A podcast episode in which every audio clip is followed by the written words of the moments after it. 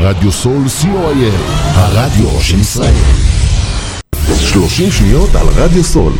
רדיו סול היא תחנת הרדיו האינטרנטית הגדולה בארץ, המשדרת 24 שעות ביממה, מונה 36 שדרנים, ועוברת בשם הוויזואלי.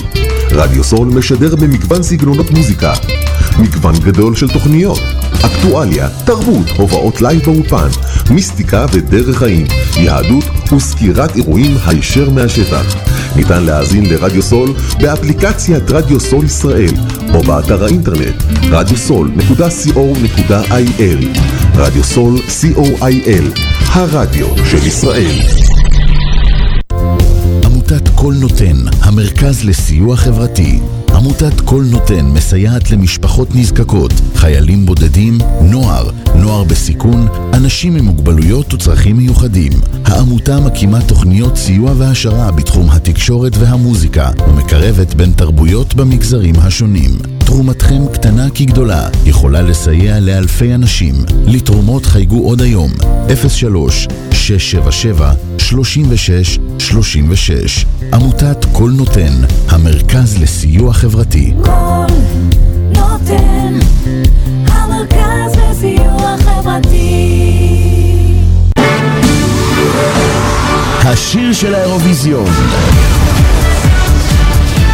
ישראל באירוויזיון 2023 מצעד השיר של האירוויזיון יוצא לדרך ואתם יכולים להשפיע.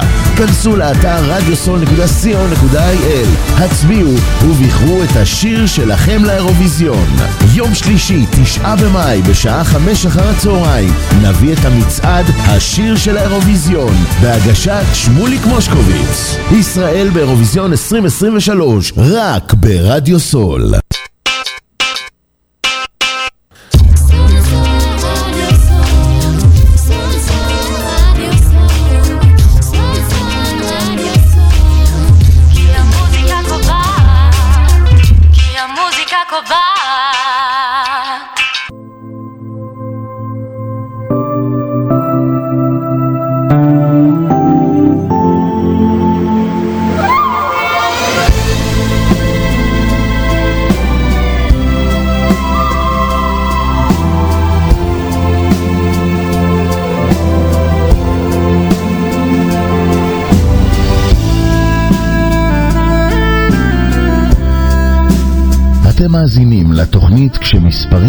50 אנשים, נומרולוגיה, העצמה וחשיבה חיובית, בהגשת נעמי חייקה.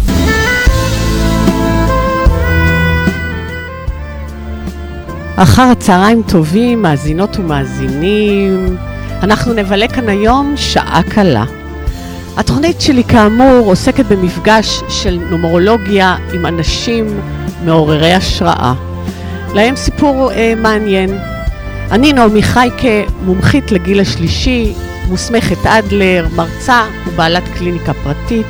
לכל שאלה אתם מוזמנים לפנות אליי ולשלוח הודעה בטלפון 054-444-0668.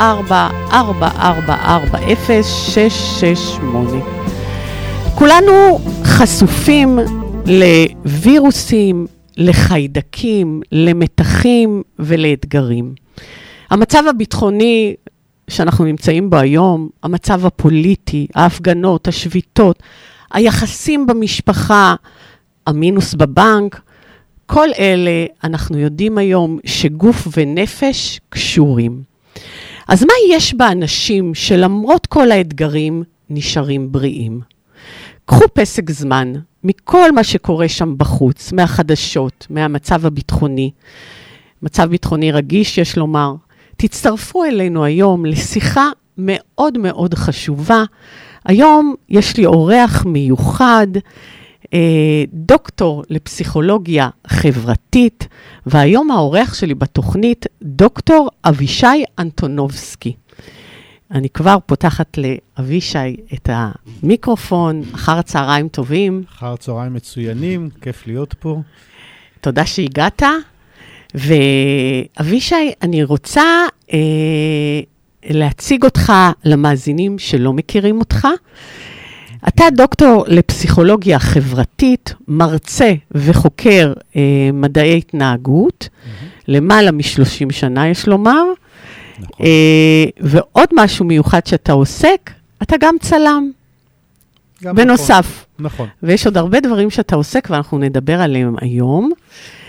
ולפני שנשוחח באמת על הנושאים המרתקים האלה אה, שאתה עוסק בהם, אני אשמח אה, לשמוע עליך.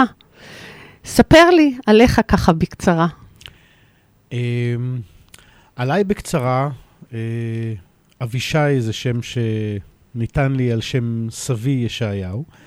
אמ, נולדתי בירושלים, אני גר היום אה, בעיר מודיעין מכבים רעות, אה, נשוי, שלושה ילדים, שני נכדים. או, זה אה, ה... זה- ה- זה הדובדבן שבקצפת. הדובדבן, ללא כן. ספק. אמ, בהחלט.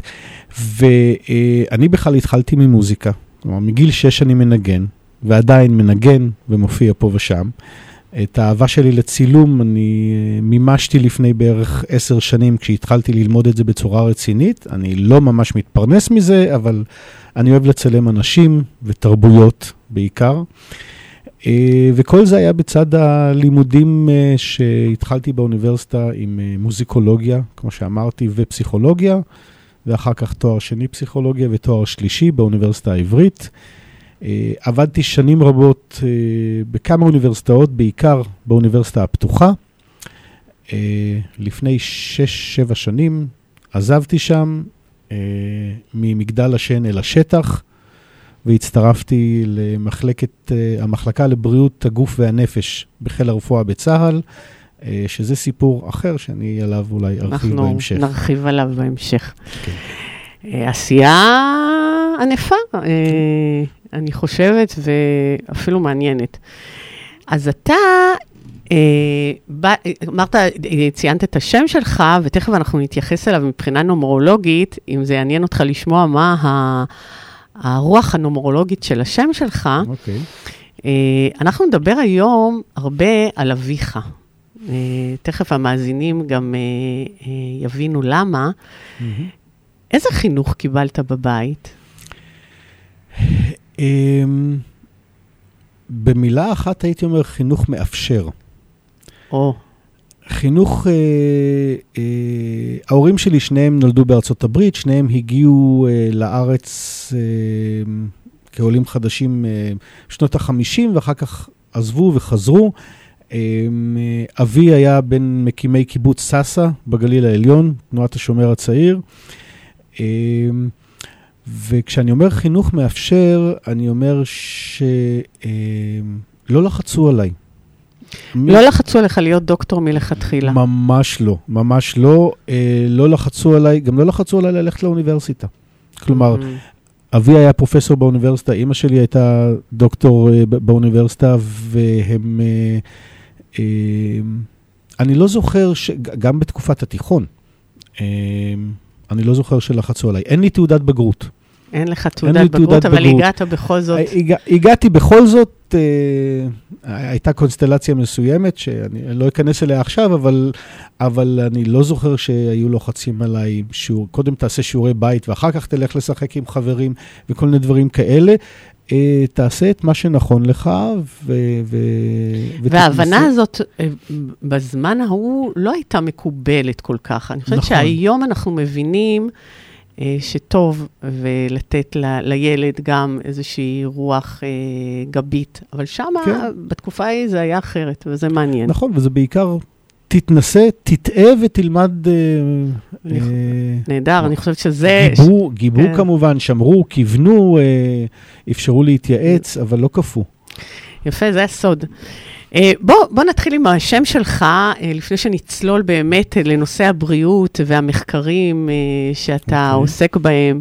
ככה, לתת ככה איזה משהו קליל לתוכנית. אז אבישי, אתה יודע, אבישי. אבישי, כן. היה אחד מחייליו של דוד המלך, נכון. נכון? והפירוש הוא גם אבי ושי, מתנה של אבא, או אבא מתנה. כן. אמ, והניתוח הנומרולוגי של השם נותן לך אה, הצלחה, הצלחה אה, גם אה, חומרית, אבל גם שאפתנות והישגיות, כושר ארגון, התמודדות עם קשיים ומשברים באופן מאוד גבוה, יכולת להתמודד, ואנשים שלא זקוקים לעזרה חיצונית, אלא הם מוצאים את הכוח בתוכם כדי אוקיי. okay. להתגבר על, אה, אה, על מכשולים. זאת אומרת, אנשים עם חוסן נפשי גבוה מאוד. אוקיי, אני, ס- חלק מהדברים האלה הם מהנושא שלנו היום אה, על אה, תראה- יכולת להתמודד. כן, אז תראה אני איך, מתחבר. איך זה מתחבר גם לשם שלך ולשם שאבא נתן לך, אבי שי. כן, נכון. אוקיי, אז זה, זה ככה מבחינה אה, נומרולוגית קצת קלילות, אבל עכשיו אנחנו באמת נצלול לנושא שלשם אה, לשם כך הת- התכנסנו היום. אתה אה, עסקת אה, ועדיין עוסק אה, במחקר במחלקה לבריאות הגוף והנפש בחיל הרפואה בצה"ל, נכון? כן. ספר לנו על העיסוק המעניין הזה. במה אתם עוסקים? מה שניתן כמובן אה, כן, לומר. אני, אני אגיד אה, שכל כל מה שאני אגיד כאן הוא דברים שפורסמו כבר ב, ב, בעיתונות המדעית או בעיתונות, ה... זה פורסם. כן, אה, כשאני אה, עזבתי את האוניברסיטה הפתוחה וחיפשתי עבודה, אה, מצאתי אחרי יותר משנה, אה, ידידה שלחה לי מודעה שמחפשים קצין מחקר כושר נפשי. כושר נפשי. כן. אה, אומרים כושר אה, גופני בדרך כלל. אז זה בדיוק המודל של כושר נפשי כמשהו שאפשר לפתח אותו ולשמר אותו באמצעות אימונים. אה, וכשהתקבלתי לתפקיד, אז אח- אחת השאלות שליוו אותי זה איך מתחבר צבא, שהוא בעצם כלי, גם אם הוא צבא הגנה, הוא פותר סכסוכים באמצעות אלימות. זה ייעודו של כל צבא, זאת אומרת, אה, לחימה זאת אלימות. איך זה מתחבר ל... לקידום בריאות, שזה הטיקט שבאתי איתו. אה, אבל כשהגעתי אה, לחיל הרפואה, וספציפית למחלקה לבריאות הגוף והנפש, גיליתי שם קודם כל עולם שהוא עולם של מחקר אקדמי, שהתחבר לדברים שעשיתי בעבר, וגיליתי פתיחות לשאלה לא רק אה, איך מטפלים בחיילים במצוקה, והנושא של אה, קציני בריאות נפש, אה, אלא גם איך מחזקים את מה שרובנו נוהגים לקרוא לזה חוסן. חוסן זה מושג קצת אחר, שוב, אני לא אכנס להגדרות, אבל פתחו ענף בשם כושר נפשי, שהמטרה שלו, בניגוד למה שנעשה קודם, המטרה שלו היא חיזוק והגברת היכולת של חיילים להתמודד עם השירות, וזה לא, לא רק שחיילים בסיכון או שיש להם איזשהו רקע נפשי קשה אה, מגיעים למצוקה, אלא הגיוס לצה"ל, תהליך ההסתגלות, הוא קשה, נקודה, לכולם. נכון. וזה מתחבר לשאלה שהצגת בהתחלה, של אה, בכל זאת, רוב החיילים, מול כל הקושי בהתחלה, רובם מתמודדים בהצלחה. מצליחים להתמודד. כן. אמ, אז לאט לאט התחלתי לעסוק ב... התחלנו לפתח אז אם אתה פרויקטים. תיתן כן. אה, דוגמה, אה, מה שמותר כמובן Mhm. לומר, אה, במה שאתם עוסקים. אה, כן, אני אתן, אני אתן דוגמה לאחד הפרויקטים שפיתחנו אה, והטמענו אצל חיילים וליווינו במחקר, כי כל פרויקט כזה מלווה במחקר לבדוק את היעילות שלו. אה, אחד הפרויקטים, אה, לא בין הראשונים, אבל בין החשובים שבהם, הוא פרויקט שנקרא אחים לדרך. אה, כשחיילים מתגייסים, טירונות, התופעה, הקושי הבולט ביותר שלהם הוא בדידות. הם מרגישים לבד. הם, כי הם נכנסים לצבא הם לבד. נכנסים לצבא לבד ונוטלים מהם את הזהות שלהם, והם כבר מאבדים את השליטה על אה, מתי לקום, מתי לישון, מתי ללכת לשירותים, מתי לאכול וכולי, והם מרגישים בעיקר לבד. והייתה מישהי ששירתה איתי, אה, שהייתה במקור קצינת בריאות נפש, אני אגיד את שמה כי הקרדיט הוא באמת שלה. בבקשה, ניתן לה אה, קרדיט בכיף. עדי זמוסטיאנו, ששירתה אה, ב- באחד מבסיסי ההכשרה הגדולים של צה"ל, והיא הייתה ערה לקושי הזה, והיא פיתחה את הפרויקט הזה, אחים לדרך, שהמטרה העיקרית שלו זה להפגיש בין חיילים, חיילים באופן מקרי, לא כאלה שבוחרים אחד את השני, אלא במשך כמה שבועות כל אחד מצוות עם חייל אחר, והמטרה היא לתת להם זמן חופשי במסגרת הפעילות אה, של ההכשרה, לדבר אחד עם השני. אה, נותנים להם שאלות מכוונות על, על המחלקה, על חיילים אחרים, על יחס עם המפקדים, אבל זה יכול להתגלגל, זה יכול להתגלגל לכדורגל או לכל דבר אחר. העיקר שישבו ביחד ויכירו. שוחחו. יכירו עם שתי מטרות עיקריות. אחת, הם, הם מגלים שהבעיות שלהם הם לא רק שלהם. אה, והדבר השני, יהיה להם עם מי לשוחח, עם, עם. מי, למי להיפתח, אוזן תהיה להם קשבת. אוזן קשבת, בדיוק. וזה חיילים שהם אה, באותו מצב, או יותר בוגרים?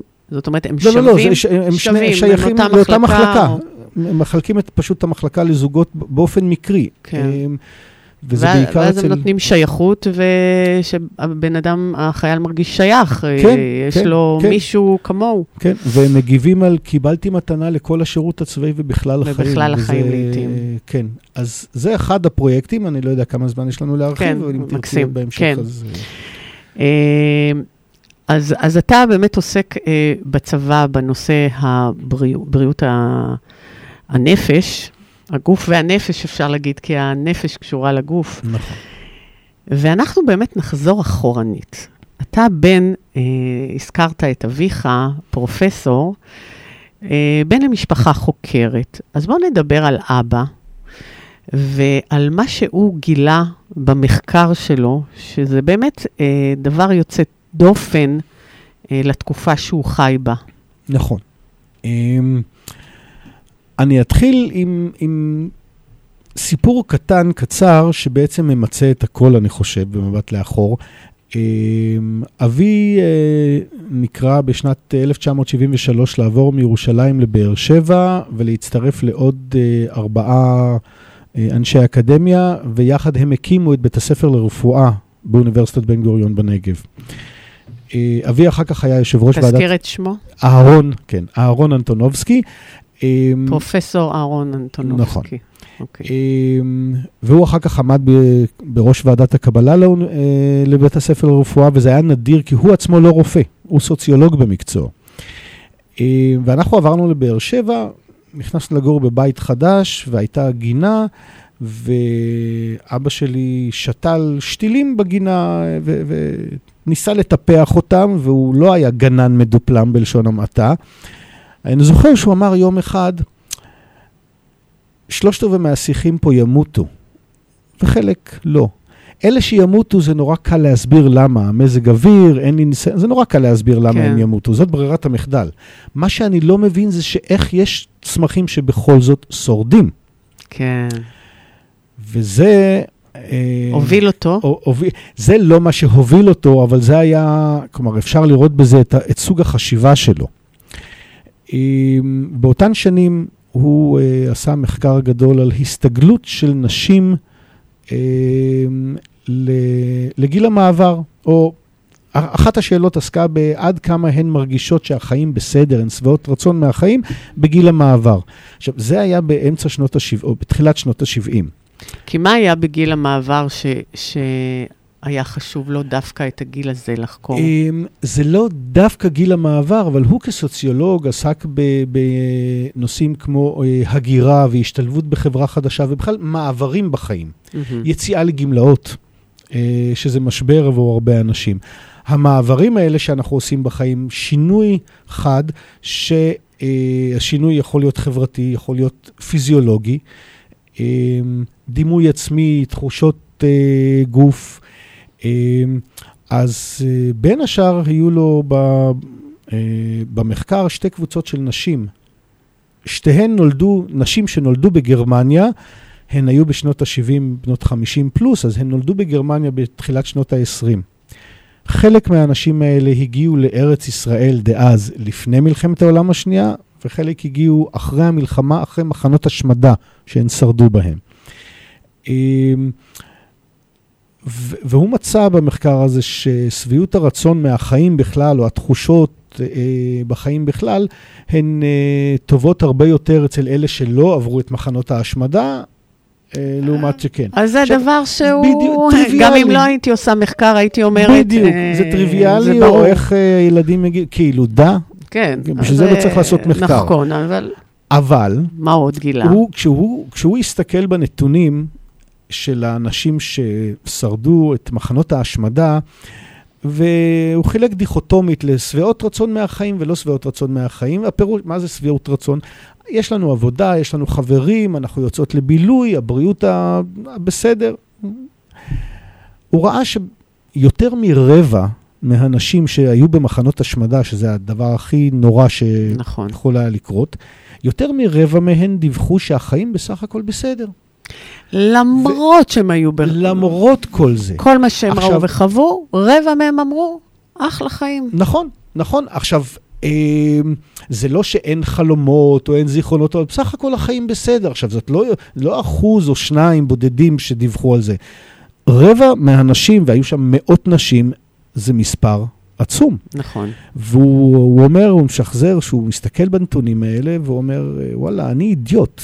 הסתכלתי על הדברים שאמרנו שהם טריוויאליים, שלא צריך מחקר בשבילם, ופתאום הדבר הזה, כאילו, נפל לו איזה אסימון, איך הן הצליחו, איך הנשים האלה בסך הכל מדווחות, שבסך הכל הדברים הם בסדר.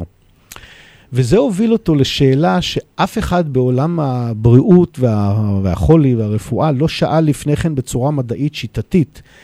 כי ישנו המודל הפתוגני, מהמם. אה, שאומר, אה, המודל הרפואי הקלאסי, יש איזשהו גורם ספציפי למחלה ספציפית, מאבחנים את המחלה או שיש או שאין, ואז נותנים תרופה אם יש, ואם אין תרופה, בעיה. אז אתה אומר, אנחנו מדברים כל הזמן על מחלות, בדיוק. על בתי חולים, על uh, קופות חולים. מהמם. הכל חולים. הכל יש חולים. מחלה, נמצא לה תרופה. יש בעיה, נחפש את התשובה. כולל המניעה, שהיא גם היא ממוקדת במחלה, במ- איך למנוע מחלה. איך מסוימת. למנוע מחלות. כל הזמן מדברים על החולי, על המחלות, אבל אף אחד לא מדבר על מה? על בריאות. איך- נכון? כן, זה נכון. הכוונה. זאת הכוונה, כן. אז, אז מה הוא גילה? אמ, הוא קודם כל, לפני הגילוי, הוא יצר איזשהו שינוי חשיבתי, זאת אומרת, פרדיגמה חדשה, צורה חדשה להסתכל על זה. הוא אמר, על פי המודל של החולי, מהמם. אם נדמיין, אני אוהב להשתמש בדימוי של נהר. אנשים הולכים לאורך, על גדת הנהר, השמש זורחת, הציפורים מצייצות, הכל טוב, מדי פעם מישהו טראח נופל לתוך הנהר, כלומר נעשה חולה. כן. ואז מתנפלים עליו הרופאים ומנסים לרפא אותו. או בשלב יותר מאוחר יש אנשים שעומדים ליד הגדר ומנסים למנוע מאנשים ליפול לתוך הנהר, לתוך החולי. כן. זו הרפואה המונעת. אבא שלי בא ואמר, לא, אנחנו כולנו כל הזמן בנהר. כל הזמן אנחנו מתמודדים. את אמרת בפתיח, אנחנו, יש לנו את המצב הביטחוני, יש לנו מינוס בבנק, רבנו הבוקר עם בן או בת זוג, אה, אה, בעבודה אה, נכשלנו באיזה פרויקט. כולם, כל הזמן, כולם כל מתמודדים הזמן, עם זה. גנבו לי את האוטו לפני כמה ימים. נכון. כל הזמן אנחנו מתמודדים עם משהו. והוא אמר, זה לא שאנחנו חולים או בריאים, אנחנו על רצף. בתוך הנהר הזה אנחנו צריכים לנוע, לשחות במעלה הזרם מהחולי אל הבריאות. אנחנו כל הזמן נמצאים איפשהו על הרצף הזה, כל אחד מאיתנו. אז זאת הייתה צורת חשיבה חדשה, והוא אמר, המודל הרפואי שנקרא מודל פתוגני, הפירוש המילולי שלו זה מקור החולי. והוא אמר, אנחנו צריכים לשאול על מקור הבריאות. לא הייתה מילה. כי, כי לא, לא חשבו ככה. כזה. לא היה דבר כזה. היה פתוגני, אז מהו הבריאות? והוא הגיע בסופו של דבר למונח אה, המודל הסלוטוגני. אז אני, כאן אנחנו נעצור, אוקיי. נצא לשיר, ואחר כך אנחנו נדבר על המודל הזה, ואתה גם תיתן כלים מסוימים. שאתה אה, יכול למאזינים. בשמחה. איך, אה, איך אה, להיות יותר בריאים, אפשר לומר? לחיות איך לחשוב, איך לאמץ צורת חשיבה, להסתכל מה יכול להניע אותנו, ועל השאלה הסלוטוגנית הזאת, אני אציג בהמשך גם מה הפתרון שאבי הציע. יאללה, אני אצא לשיר. אוקיי. משהו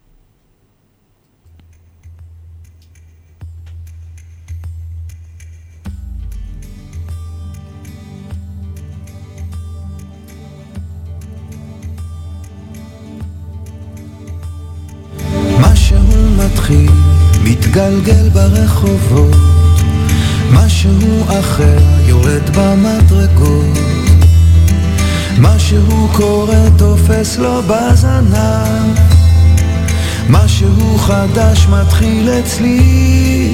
עכשיו, מישהו מוכר עומד ומסתכל, אמצע הרחוב מישהו אוכל.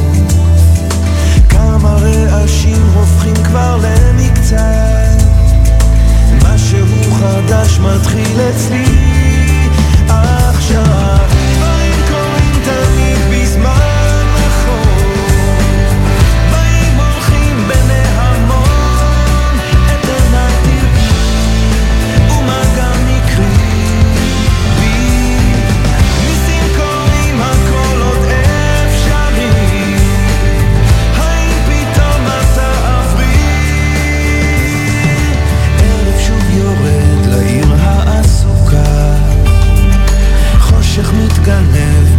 שם מחכה.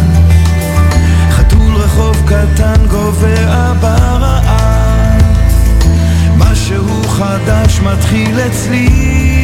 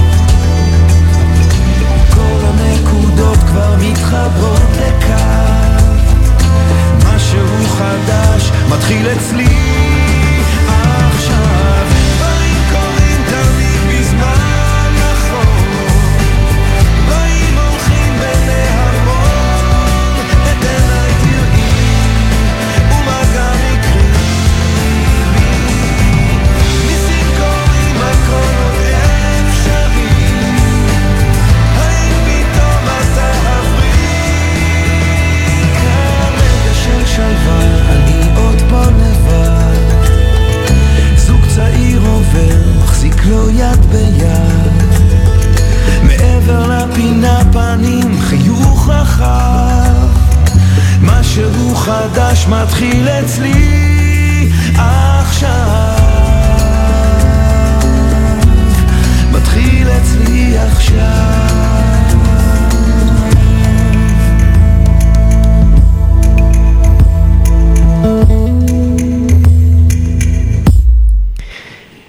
אה, אנחנו שוב איתכם, ואנחנו מדברים על קידום בריאות.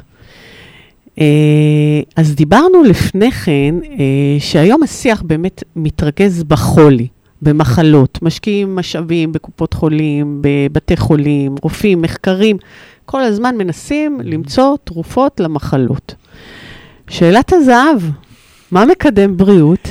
אמ, לפני שאני עונה על שאלת הזהב, אני רק אגיד שהמודל הזה, שאני אדבר עליו עכשיו בהרחבה, אה, הוא לא בא להחליף את המודל הרפואי הקלאסי. הוא לא אומר, תפסיקו אה, כן. בתי חולים, תפסיקו לחפש כן. תרופות למחלות. לא. זה, זה, מה שנעשה הוא מאוד מאוד חשוב. בוודאי. זה משהו שהוא בא במקביל ומציע צורת אה, חשיבה אחרת שהיא מתאימה בהרבה מאוד מקרים. זה ו- חשוב שאתה מציין, כי כמובן, המחלות יגיעו, ועם... ו... יגיעו, אנחנו לא, בדיוק, כן, אנחנו לא... עם ו- הרגליים ו- על הקרקע. ואני אדבר כאן תכף על, על uh, משמעות ודברים כאלה, אבל אם כואב לכם הראש, אל תחפשו משמעות בחיים, קחו אקמול. זה כן, בסדר. כן, תלכו לרופאים ותחפשו, בדיוק. אבל בנוסף. בדיוק. בנוסף. אמ, אז אני הצגתי קודם את השאלה הסלוטוגנית, כסלוטוגניות, באופן מילולי, הפירוש הוא מקור הבריאות. סלוט, סלוט בריאות. סלוט ב- בלטינית זה, זה בריאות. כן. אמ, ואבי פיתח את ה, את ה... קודם כל, הוא העלה את השאלה הסלוטוגנית. אה, וניסה להסביר את החשיבות בלשאול, כלומר, להגיד, זה מובן מאליו למה אנחנו נעשים חולים, אבל איך לנוכח כל ההתמודדויות שלנו, אנחנו בכל זאת, רובנו שורדים ו- ומתמודדים היטב. Uh, התשובה היא בעצם מושג הליבה של המודל הזה, והתשובה נקראת תחושת קוהרנטיות. תחושת קוהרנטיות. כן, אה, לפני שנה בערך האקדמיה ללשון העברית התכנסה כדי למצוא חלופה עברית, לא מצאה. לא מצא. היו כל מיני הצעות כמו לכידות, אה, וכיוצא, מילים שכבר קיימות והיו מסיטות מה, מהמשמעות המקורית. זה איזושהי תחושה, תחושה שמבטאת אה, תפיסה של החיים. זאת לא תכונה של אדם, זו לא תכונה שנולדים איתה. למרות שעכשיו חוקרים את ההיבט הגנטי קצת, אבל זה לא, זה לא תכונה מולדת, זה גם לא משהו של מצבי, של היום יש לי תחושת קוהרנטיות חזקה ומחר חלשה. זאת אומרת, זה לא זה עניין של מצב רוח. או שיש או שאין. לא, זה, זה משהו שקיים אצל כולנו, ואני תכף אפרט, ותביני שאפשר גם, אה, אפשר לפתח את זה ולעבוד על זה, וזה מה שאנחנו עושים עם חיילים. באיזשהו שלב בבגרות זה מתאזן, אה, אבל חיילים הם עוד, אה, הם עוד ילדים. כן. אמ, תחושת הקוהרנטיות היא צורה של הס- הסתכלות או תפיסה של החיים שאומרת בעצם, מבטאת שלושה דברים. בהנחה שיש לכולנו כל הזמן אתגרים להתמודד איתם. הדבר הראשון זה להבין מהו האתגר שאני מתמודד איתו. לה, להבין במונחים של הצבא זה מהי המשימה, אוקיי? מהמם. מהו האתגר שאני מתמודד איתו? כשאנחנו מבינים עם מה אנחנו צריכים להתמודד, אנחנו יכולים גם לנבא מה יקרה הלאה. כלומר, אנחנו יכולים לצפות אה, מה יתרחש. אוקיי? זה, זה עניין של מידע או ידע שהוא חשוב. רלוונטי לנו וחשוב אה, לצורך ההתמודדות. המרכיב השני מבין השלושה הוא מרכיב שנקרא נהילות, מהמילה לנהל, או לשלוט. נהילות, כן. נהילות. שליטה. שליטה, והכוונה כאן היא שהאדם תופס שיש לו המשאבים להתמודד עם, ה, עם המשימה. Mm-hmm. הוא יכול להיות שהוא הבין את המשימה, אבל הוא מרגיש שאין לו משאבים להתמודד. אם המובנות זה המה, אז הנהילות זה האיך. כן. איך אני מתמודד? עכשיו, משאבים יכולים להיות תמיכה חברתית, שזה סופר חשוב בצבא. Uh, הפרויקט של אחים לדרך הוא בעצם פרויקט של תמיכה חברתית, uh, אבל כולנו uh, זקוקים כל הזמן לתמיכה חברתית. משאב יכול להיות כסף בבנק, משאב יכול להיות כושר גופני, תלוי מה... מה כל אחד המשימה שלנו. לפי המשימה. כל אחד לפי המשימה, אה, כן, זה יכול להשתנות, אבל שאדם תופס שיש לו את משאבי ההתמודדות. והמרכיב השלישי מבין השלושה הוא מה שנקרא משמעותיות. Mm, משמעותיות זה גורם שהוא מוטיבציוני, זאת אומרת, אם מובנות זה המה, והנהילות זה האיך, משמעותיות זה בשביל מה. בשביל אה, מה יש לי לחיות? בשביל מה יש לי לחיות, בשביל מה יש לי להתמודד. יש סיפור, אני, אני לא אפרט כאן, אני רק אזכיר את, הס, אה, את השם, אה, אה, פרופסור יורם אשת אלקלעי, אם מישהו שמע את שמו ואם מישהו לא, מי בוא שלא, אז ספר, יגגל. ספר לנו, זה מעניין. פרופסור יורם אשת אלקלעי אה, היה חייל בצנחנים במלחמת אה, יום הכיפורים, הוא אה, חצה עם הצנחנים את התעלה, הוא חטף פגז בראש, ליטרלי. Mm, רבע מוח חסר לו, פיזית, עד היום. אה, והוא סיפר לי פעם, הוא, הוא הגיע להיות פרופסור באוניברסיטה. הוא היה אז תלמיד צעיר בגיאולוגיה, היום הוא פרופסור לחינוך, ועבדנו יחד הרבה שנים, והוא סיפר לי פעם שהוא, אה, בהתחלה הוא היה צריך להבין מה קורה בסביב- סביבו. הוא בהתחלה חשב שהוא בשבי המצרי כשהוא התעורר בבית חולים.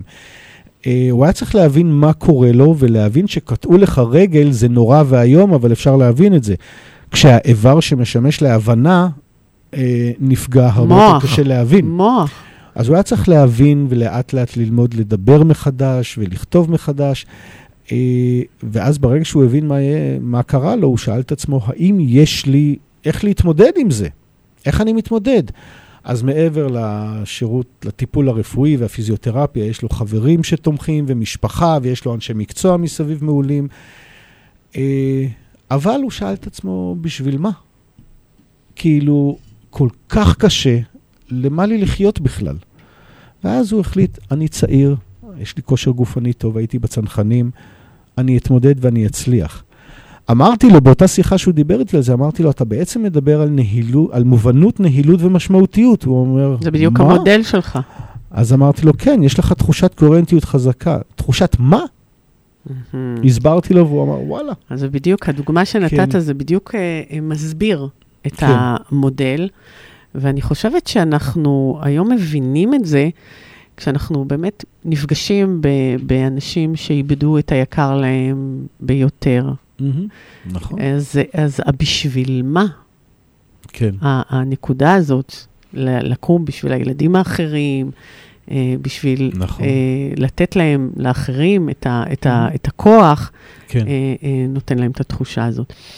אז אבא גילה את זה בזמנו, אה, ואיך אתה מתחבר ל- למחקר הזה? אה, אני מתחבר בשני אופנים. אחד הוא ש... קודם כל, זה, זה מדבר אליי. זה מדבר אליי, אה, ואני רואה שזה ישים בהמון המון מצבים בחיים. כלומר, אה, אה, אני רואה שאנחנו רואים אצל, אצל חיילים, למשל, שככל שהם מבינים יותר, שאלו תצפיתניות במחקר שהתפרסם, אלה שיושבות לאורך הגדרות וצופות עבודה בכל מאוד תנועה, מאוד קשה. עבודה מאוד קשה ושוחקת. מה עוזר לכן גם לרווחה הנפשית שלכן וגם לתפקוד המבצעי? והן אמרו, בלי שהן מכירות את המודל הסולוטוגני, הן אמרו, ככל שאנחנו מבינות יותר טוב את המשימה, ככל שיש לנו יותר תמיכה מהמפקדת וכלים טכנולוגיים, משאבים. משאבים, אה, וככל שאנחנו מבינות יותר טוב בשביל מה, אנחנו מגינות על הבית פה, על הבית, המשמעות. על המדינה. המשמעות, אנחנו לא רק מרגישות יותר טוב, אלא אנחנו מתפקדות יותר טוב, מבחינה מבצעית, בעבודה. מהמם. אה, ומצאנו את זה בהרבה מקומות אה, בצה"ל. והמחקר על זה התרחב, התרחב לא רק לתחום של, אה, של הפרט, אלא גם כחברה, כקבוצה או כיחידה צבאית לצורך העניין, ולא רק בתחום הבריאות הנפשית או הגופנית, מדברים על, אה, על ארכיטקטורה בסגנון סלוטוגני שמאפשר לאנשים למצוא יותר משמעות אה, במה שהם עושים. זה הגיע אפילו לספינת חלל, העיצוב הפנימי שלה. אה, ערים, כמו שיש ערים ירוקות היום, אז מדברים על מדיניות של אה, בנייה אה, של מערכות אה, תחבורה ומערכות עירוניות אחרות עם חשיבה סלוטוגנית. אה, של איך, איך זה מקדם את הבריאות הכללית של החברה. אז דבר אחד, אני מתחבר לזה, ודבר שני, אני, אחרי שאבי הלך לעולמו לפני קרוב ל-30 שנה, הזכויות על הפרסומים שלו עברו אליי. אה, תחילה לאימי, שנפטרה לאחר מכן, ואחר כך אה, אליי, ואנשים פנו אליי כל הזמן לקבל אישורים להשתמש בשאלונים שהוא פיתח וכיוצא בזה. אז כל הזמן זה היה מסביבי, ההתרחשויות, ואני גם למדתי על איך המחקר מתקדם בעולם. אה, והיום אני חבר בצוות מומחים בינלאומי שמונה משהו כמו 18 אנשים מכל העולם, שאנחנו נחשבים ה- האורים והתומים בעולם בתחום הזה, וה- ומחקר על זה, אה, מחקר על זה קיים בחמש יבשות, אה, הרבה מאוד בסקנדינביה, אבל אה, לא רק. ויש כל שנתיים כנס בינלאומי בנושא הסלוטוגניות, וזה זה נכנס ביותר ויותר... אה, אז לתודעה. אביך לא נתן לך רק את האבי שי, נתן לך את השם עם השי, הוא נתן לך גם שי עם מחקר מדהים שאתה ממשיך את דרכו. כן, נכון. איך אנחנו אה, מחברים את זה, קודם כל למצב שאנחנו נמצאים בו היום? אתה יודע, המצב, אנחנו נכנסנו לאולפן, אני לא יודעת מה, מה קורה בחוץ, אנחנו כאן ככה כמו בועה, כן, אה, אבל המצב הוא, הוא לא נעים. יושבים על הגדר וממתינים עכשיו למה יהיה. למה יהיה, בדיוק. איך אנחנו יכולים להגביר את התחושה הקוהרנטית? אמ, אז אני, קודם כל, המצב הכללי שלנו ב, אה, בעולם, עם הקורונה, ובמצב... ה- הקורונה, כבר שכחנו, אבל זה כן, היה לא כבר מזמן. שכחנו, כן. אז כמו שאמרת, כל הזמן יש עם מה להתמודד. נכון. והמצב בישראל לאורך שנים שהוא לא, לא פשוט, אה, ובמיוחד היום. אה, אני, אני רוצה להתייחס, אה, אני אקח דווקא את מה שקורה עכשיו בר- ברצועת עזה, כן. ולהתייחס לתושבי עוטף נכון, עזה. נכון. אה, איך הם, אה, וזה לא פעם ראשונה שהם נאלצים להתמודד, כמובן, אה, ואיך תחושת קוהרנטיות רלוונטית לזה. אה, אני חושב, וזה לא רק אני חושב, המחקרים נעשו על, בשנים שנים קודמות על רצועת עזה, על, על התושבים בעוטף עזה, אה, בעניין של מובנות, של לדעת מה קורה ולדעת למה לצפות. אז אני לא אומר שצריך, אה, שניתן אה, למסור לתושבי אה, עוטף עזה מידע מראש על כל מבצע שצה"ל הולך אה, לבצע. לצערנו, גם החמאס והג'יהאד לא משתפים אותם מראש במה הם מתכוונים לעשות. בדיוק. אבל, אבל הם כן צריכים, או יעזור, אם, אם תושבי אה, עוטף עזה ידעו אם, את התרחישים. אה, אם יקרה כך וכך, אז מה אנחנו עושים? אה, אם... אם יפלו עכשיו טילים, אז כן. יש לנו לאן, לאן לברוח, לאן לברוח. איפה, איפה להיכנס. נכון, ולגבי הילדים, אני לא, זה לא ממש תחום המומחיות שלי, אבל אני אומר, לתת לילדים מידע ברמה שהם יכולים להבין ולעבד, אה, יעזור להם עם ההתמודדות. אמרו את זה גם עם, ה- גם עם הקורונה.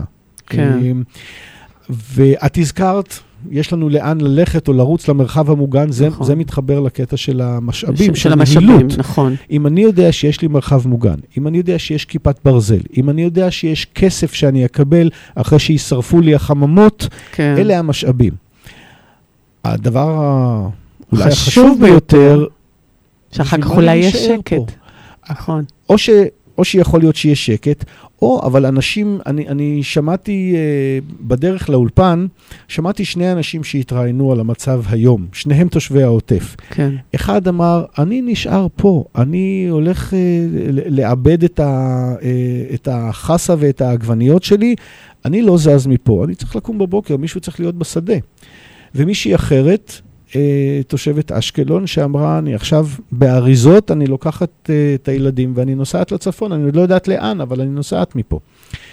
אה, שניהם כמובן, זאת אומרת, היא, אני מתאר לעצמי, תחזור, אבל יש כאלה שעזבו את, אה, את המגורים שם. אה, מי שנשאר שם ו- ומצליח להתמודד זה אלה שמוצאים משמעות, אם זה יישוב הארץ, אם זה אה, החשיבות שבחקלאות, אם זה ה... אנחנו לא ניתן לאף אחד לקבוע בשבילנו איפה כן, נגור. אבל אני רוצה להתחבר לדברים שאתה אה, מספר, ולומר ש, ששניהם אולי יש להם את התחושה הזאת, גם לאותה בחורה שעוזבת, יש לה את המשאבים לקחת את הילדים ולעבור למקום אחר. מהמם. המשמעות אולי לשמור על החיים ולחזור אחר כך. זאת אומרת, נכון, כשבן אדם יודע לקראת מה הוא הולך, ו- ואני ממש מתחברת למודל אצל שני אנשים. כן, אומרת, לגמרי. גם, נכון? לגמרי. גם אצלו וגם אצלה. כל אחד בחר את המשאבים שלו, עם מה הוא מתמודד, איך להתמודד. נכון. אני חושב שאמרת פה דבר מאוד מאוד חשוב, שהוא, אין צורת התמודדות אחת. נכון. אין הגדרה ספציפית למה זאת התמודדות מוצלחת. Uh, התחושה שאני עשיתי את הדבר הנכון ויחסית בהצלחה, זאת התמודדות טובה. ולשנינו יכולה להיות את אותה התחושה הזאת עם צורות כל אחד מתמודד. אחרת. בדיוק, בדיוק. זאת אומרת, אם אנחנו ככה ניקח את זה למאזינים שכרגע מאזינים לנו, מהמם. וניתן להם כלי להתמודדות, זה בעצם לשאול את עצמם את שלושת השאלות האלה. נכון, לגמרי. זאת אומרת, כאשר הם מתמודדים עם כל מה שבא לפתחם, מהמם. איזה שאלות אתה אומר, אה, אה, תשאלו את עצמכם? זאת אומרת, אחד, אחד, אמ, מה, מה בעצם הדבר שאני צריך להתמודד איתו? האם אני מבין אותו עד הסוף? האם אני יודע לצפות אה, מה יקרה הלאה במצבים שונים? אה, האם כן. יש לי מידע שהוא רלוונטי? זאת אומרת, לאסוף מידע ולשאול את השאלה, לרכז את המידע, קודם כל לשאול את עצמי, אני, אני עכשיו חוששת, אני פוחדת, אני, יש לי... אה, מה, מה, עם מה אני מתמודד? נכון. זה הדבר הראשון. נכון. השאלה השנייה שאני, אני, שהם שואלים זה, האם יש לי את הכלים או את המשאבים אה, שיכולים לעזור לי בהתמודדות זאת אומרת, איך אני מתמודד? איך אני מתמודד? והשאלה השלישית, בשביל מה? בשביל מה? כן. נכון? שזו שאלה שקושרים אותה לספר של אה, ויקטור פרנקל, פרנקל. מלחמת ה- האדם מחפש משמעות. כלומר, נכון, אה, אבא שלי לא, לא המציא את השאלה של המשמעות. נכון. אה, היה מישהו שכתב עליו פעם שהוא אבי הפסיכולוגיה החיובית, אבל זה גם לא נכון. אבא שלי לא השתמש במונח פסיכולוגיה חיובית, למרות שזה זה חונה תחת אותה מטריה. אה, אבל, אבל הוא המשיג את זה בצורה מדעית ו- ו- וחקר את זה. אז מה המשמעות? בשביל מה? זאת, זה, זאת זה המרכיב. של המוטיבציה. האם יש לי מוטיבציה לעשות את זה? אז, אז אתה, אתה אומר למעשה שכשבן אדם מרגיש שהוא שולט במצב, כי זה באמת אה, שאלה שהאם אני שולט במצב, האם אני יודע מה שאני Mhm. עושה, זה גורם לתחושה של בריאות. זה, ה- שוב, זה לא משהו שהוא איזשהו מתכון של אה, אם קורה לך משהו, אז תחשוב מה אני צריך לעשות, איך אני צריך לעשות, למה אני צריך לעשות. זה לא זה. כמו שאמרתי קודם, זה, זה איזושהי תפיסת עולם שמתפתחת, אה, היא מתפתחת קודם כל מהתנסויות של, אה, שבהן אה, אה, העולם נראה לי מסודר ולא מבולגן וכאוטי. אה, מהתנסויות שיש בהן איזון בין קל מדי, קשה מדי, התמודדות עם משימות, והדבר השלישי של, אה, מדובר על תרומה, תרומה לחברה על פי הערכים ש, שאני אה, חי לפיהם, שזה מפתח את נושא המשמעות. אז מה שמתפתח זה תפיסת עולם. זה לא שבכל פעם שאני יוצא מהבית ואני נתקל באיזשהו קושי, אני אעצור ואני אחשוב, רגע, רגע, 1, 2, 3, מה המודל? מה אני צריך לשאול? כן, זה לא זה. זה ש- משהו, זה תפיסת עולם שמתפתחת, מתייצבת סביב, בבגרות המוקדמת, סביב גיל 28-30, והיא פחות או יותר יציבה, היא יכולה לעלות קצת, לרדת קצת, להיות יותר חזקה בתחומים מסוימים, פחות... אבל זה משהו שמתפתח, זה איזושהי תפיסת, כמו, כמו תפיסה פוליטית. מהמם. שאת מפתחת עם, אה, אה, עם ההתבגרות, את מגיעה לאיזושהי עמדה או תפיסה פוליטית שיש לך, זה לא תכונה מולדת, זה גם לא משהו של היום כך ומחר אחרת. יכולים להיות שינויים, את יכולה לשנות פה ושם, אם יש משהו משמעותי, את יכולה לעבור צד במרכאות, מהמם. אבל זה משהו שמלווה אותנו כל הזמן. זה לא שהיום יש משהו בעזה ואת שואלת את עצמך, איך אני מבחינה פוליטית, ימין, שמאל, אה, זה משהו שהוא די יציב. כן. זה, זה מקסים, וזה מתחבר לי בדיוק אה, לגישה של אדלר, וזה מדבר על משמעות, וזה מדבר על ערך, וזה מדבר על המשאב, משאבים חברתיים. אני חושבת שכל התפיסות באמת של הפסיכולוגיה ה... החיובית, כן.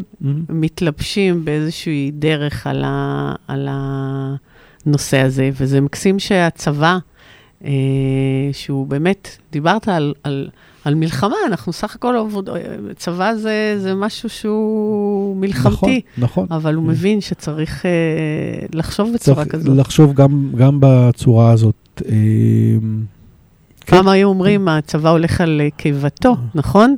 היום זה, הצבא גם אה, צריך את הקוהרנטיות. את הקוהרנטיות, והיו גם אומרים, אני רוצה להתייחס לעוד משהו שהיו אומרים בתחום הזה בצבא, של מה שלא הורג מחשל. אה, וזה לא נכון. וזה לא נכון. מה שלא הורג פוצע. פוצע. וכשאנחנו התחלנו להתעסק עם זה לפני כמה שנים בצבא, אז אחד הקשיים שנתקלנו בהם, או לפחות שצפינו אותם, זה שאם אני בא עם תוכנית כזאת, כמו אחים לדרך, או כמו, אה, עבדנו גם לא רק עם טירונים, אלא גם עם חיילים אה, אה, בגדודים סדירים, אה, מפקדים ב... זאת אומרת, יש, הייתה ציפייה לפחות של מפקדים שיבואו ויגידו, אתם לא שכבתם במעברים, אתם לא נלחמתם, בבר... אל תבואו אליי ותגידו תגידו לי לי. מה יגביר את החוסן של החיילים שלי, אני יודע. אז היו כאלה, והיום יש אה, מפקדים, מפקדי חטיבות, באים ואומרים, בואו תעשו אצלנו עבודה בבקשה, בואו תתערבו ותנו לחיילים את מה שאתם יודעים. אה, אז גם בזה היה איזשהו אה, מהפך. ואם אני אשאל אותך שאלה שהגיעה, אימא, שהבן שלה אה, ב- משרת ב- בקרבי, היה אמור להגיע ליום ההולדת שלו ולחגוג, אחרי שהוא 27 יום לא היה בבית. וואו. ובמקום להגיע הביתה, יש עוצר, יציאות, והחברה היום. מחכה, כן, ויום הולדת זה עוד מעט. והילד וואו. אומר, וואו, אימא, קשה לי. אני הייתי, אה, אני הייתי מציע, אה, נכון לסיטואציה הספציפית הזאת, כלומר, אני, אני אגיד משפט מקדים. צורת ההתמודדות שלו, או ההצלחה שלו להתמודד עם המצב הזה, היא, היא תלויה, לא רק, אבל היא כן תלויה בתחושת אה, תחושת הקוהרנטיות, בעוצמה של תחושת הקוהרנטיות שלו, שהוא, שהוא כבר קיימת אצלו אה, אה, הרבה, הרבה זמן, כי זה קשור באופן כללי לבריאות הגוף והנפש, אבל באופן ספציפי, אה, הוא יודע מה הבעיה, הוא פשוט לא יכול לצאת הביתה, יש עוצר. ודיברתי קודם על תמיכה חברתית, הרי הוא לא היחיד שלא יוצא נכון, הביתה, הוא עם נכון. החברים שלו שם.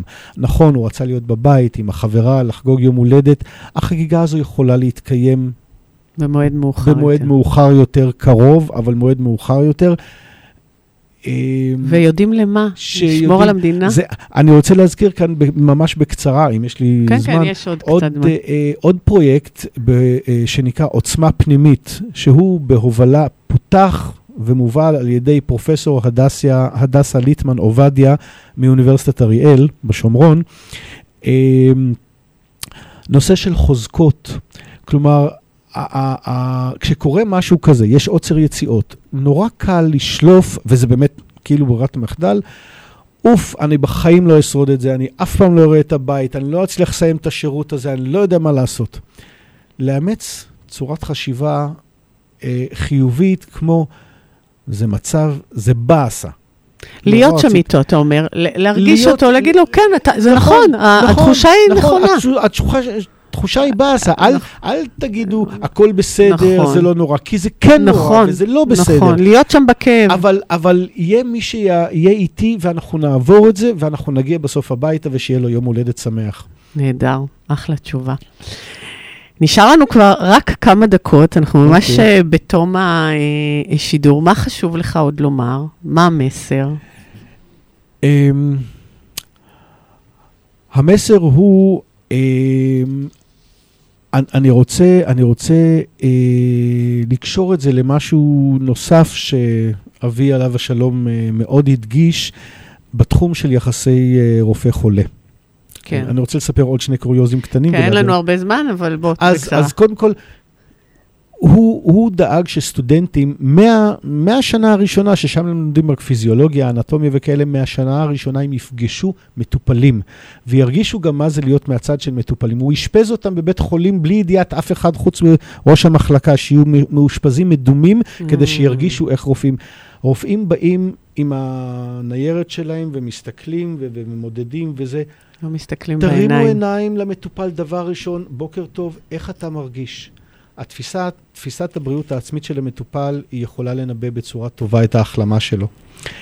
אמ, וזה, וזה משאב. במסגרת של תחושת קוהרנטיות, כשהרופא מדבר איתך בגובה העיניים, הדברים יותר מובנים, אתה מגלה ברופא עצמו, מעבר לתרופה שהוא רושם, גם הוא עצמו משאב התמודדות, ותלוי בקושי של הדברים, אני לא רוצה לנפח את המשמעות, לעשות מזה עניין, אבל אה, כלומר, אני מתחברת לדברים, כן, כן. לדברים שלך, מאוד חשובים. היום במדע, אתה יודע, מתפתח והבינה המלאכותית עומדת אה, להשתלט לנו על העולם, לגמרי. ואומרים שהרופא, בסופו של דבר, הרי הבינה המלאכותית ת, תעשה את הדיאגנוזה ו, ותיתן לנו את כל מה שצריך, ובסופו של דבר, מי שיצטרך להחזיק לחולה את היד ולומר לו במקום הבינה המלאכותית, זה הרופא. אני, אני אסיים אולי... אה, וזה כל כך חכם מה שאתה אומר. אם אנחנו בסיום, אז כן. אני אגיד מילה אחת שהבינה המלאכותית, אני לא רואה איך היא תעשה, איך, היא, איך יהיה לה את זה, וזאת המילה חמלה. נכון. ו... וזה- וזה- זה ממצה. זה, זה חמלה, זה רק, רק בני האדם יכולים לגמרי. לחוש את זה. לגמרי. אני מודה לך מאוד, אה, דוקטור, שהגעת אה, אלינו לכאן ודיברת באמת על נושא כל כך חשוב. אני מאוד שמח להיות פה. אה, אני, אני אשמח להזמין אה, אותך בכבוד. שוב ולדבר על עוד נושאים שאתה עוסק בהם, ויש אני לך אשמח. שלל נושאים, ואני אשמח. אז אה, זה כבר אה, קביעת אה, דייט נוסף. אוקיי. אז דוקטור אבישי אנטונובסקי, באמת תודה רבה. מאזינות ומאזינים, אה, תודה לטכנאי השידור שוקי אברהם. אה, תודה לאחד שלי, משה חייקה, אה, שם מעבר לזכוכית. תודה לכם, להתראות בשבוע הבא, באותו מקום, באותה שעה. תשמרו על עצמכם, ושיהיה לנו המשך יום שקט. תודה רבה.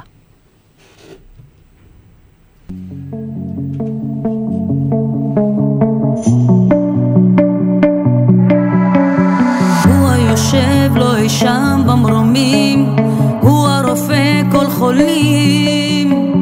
הוא הנותן רוב שמחה לילדים,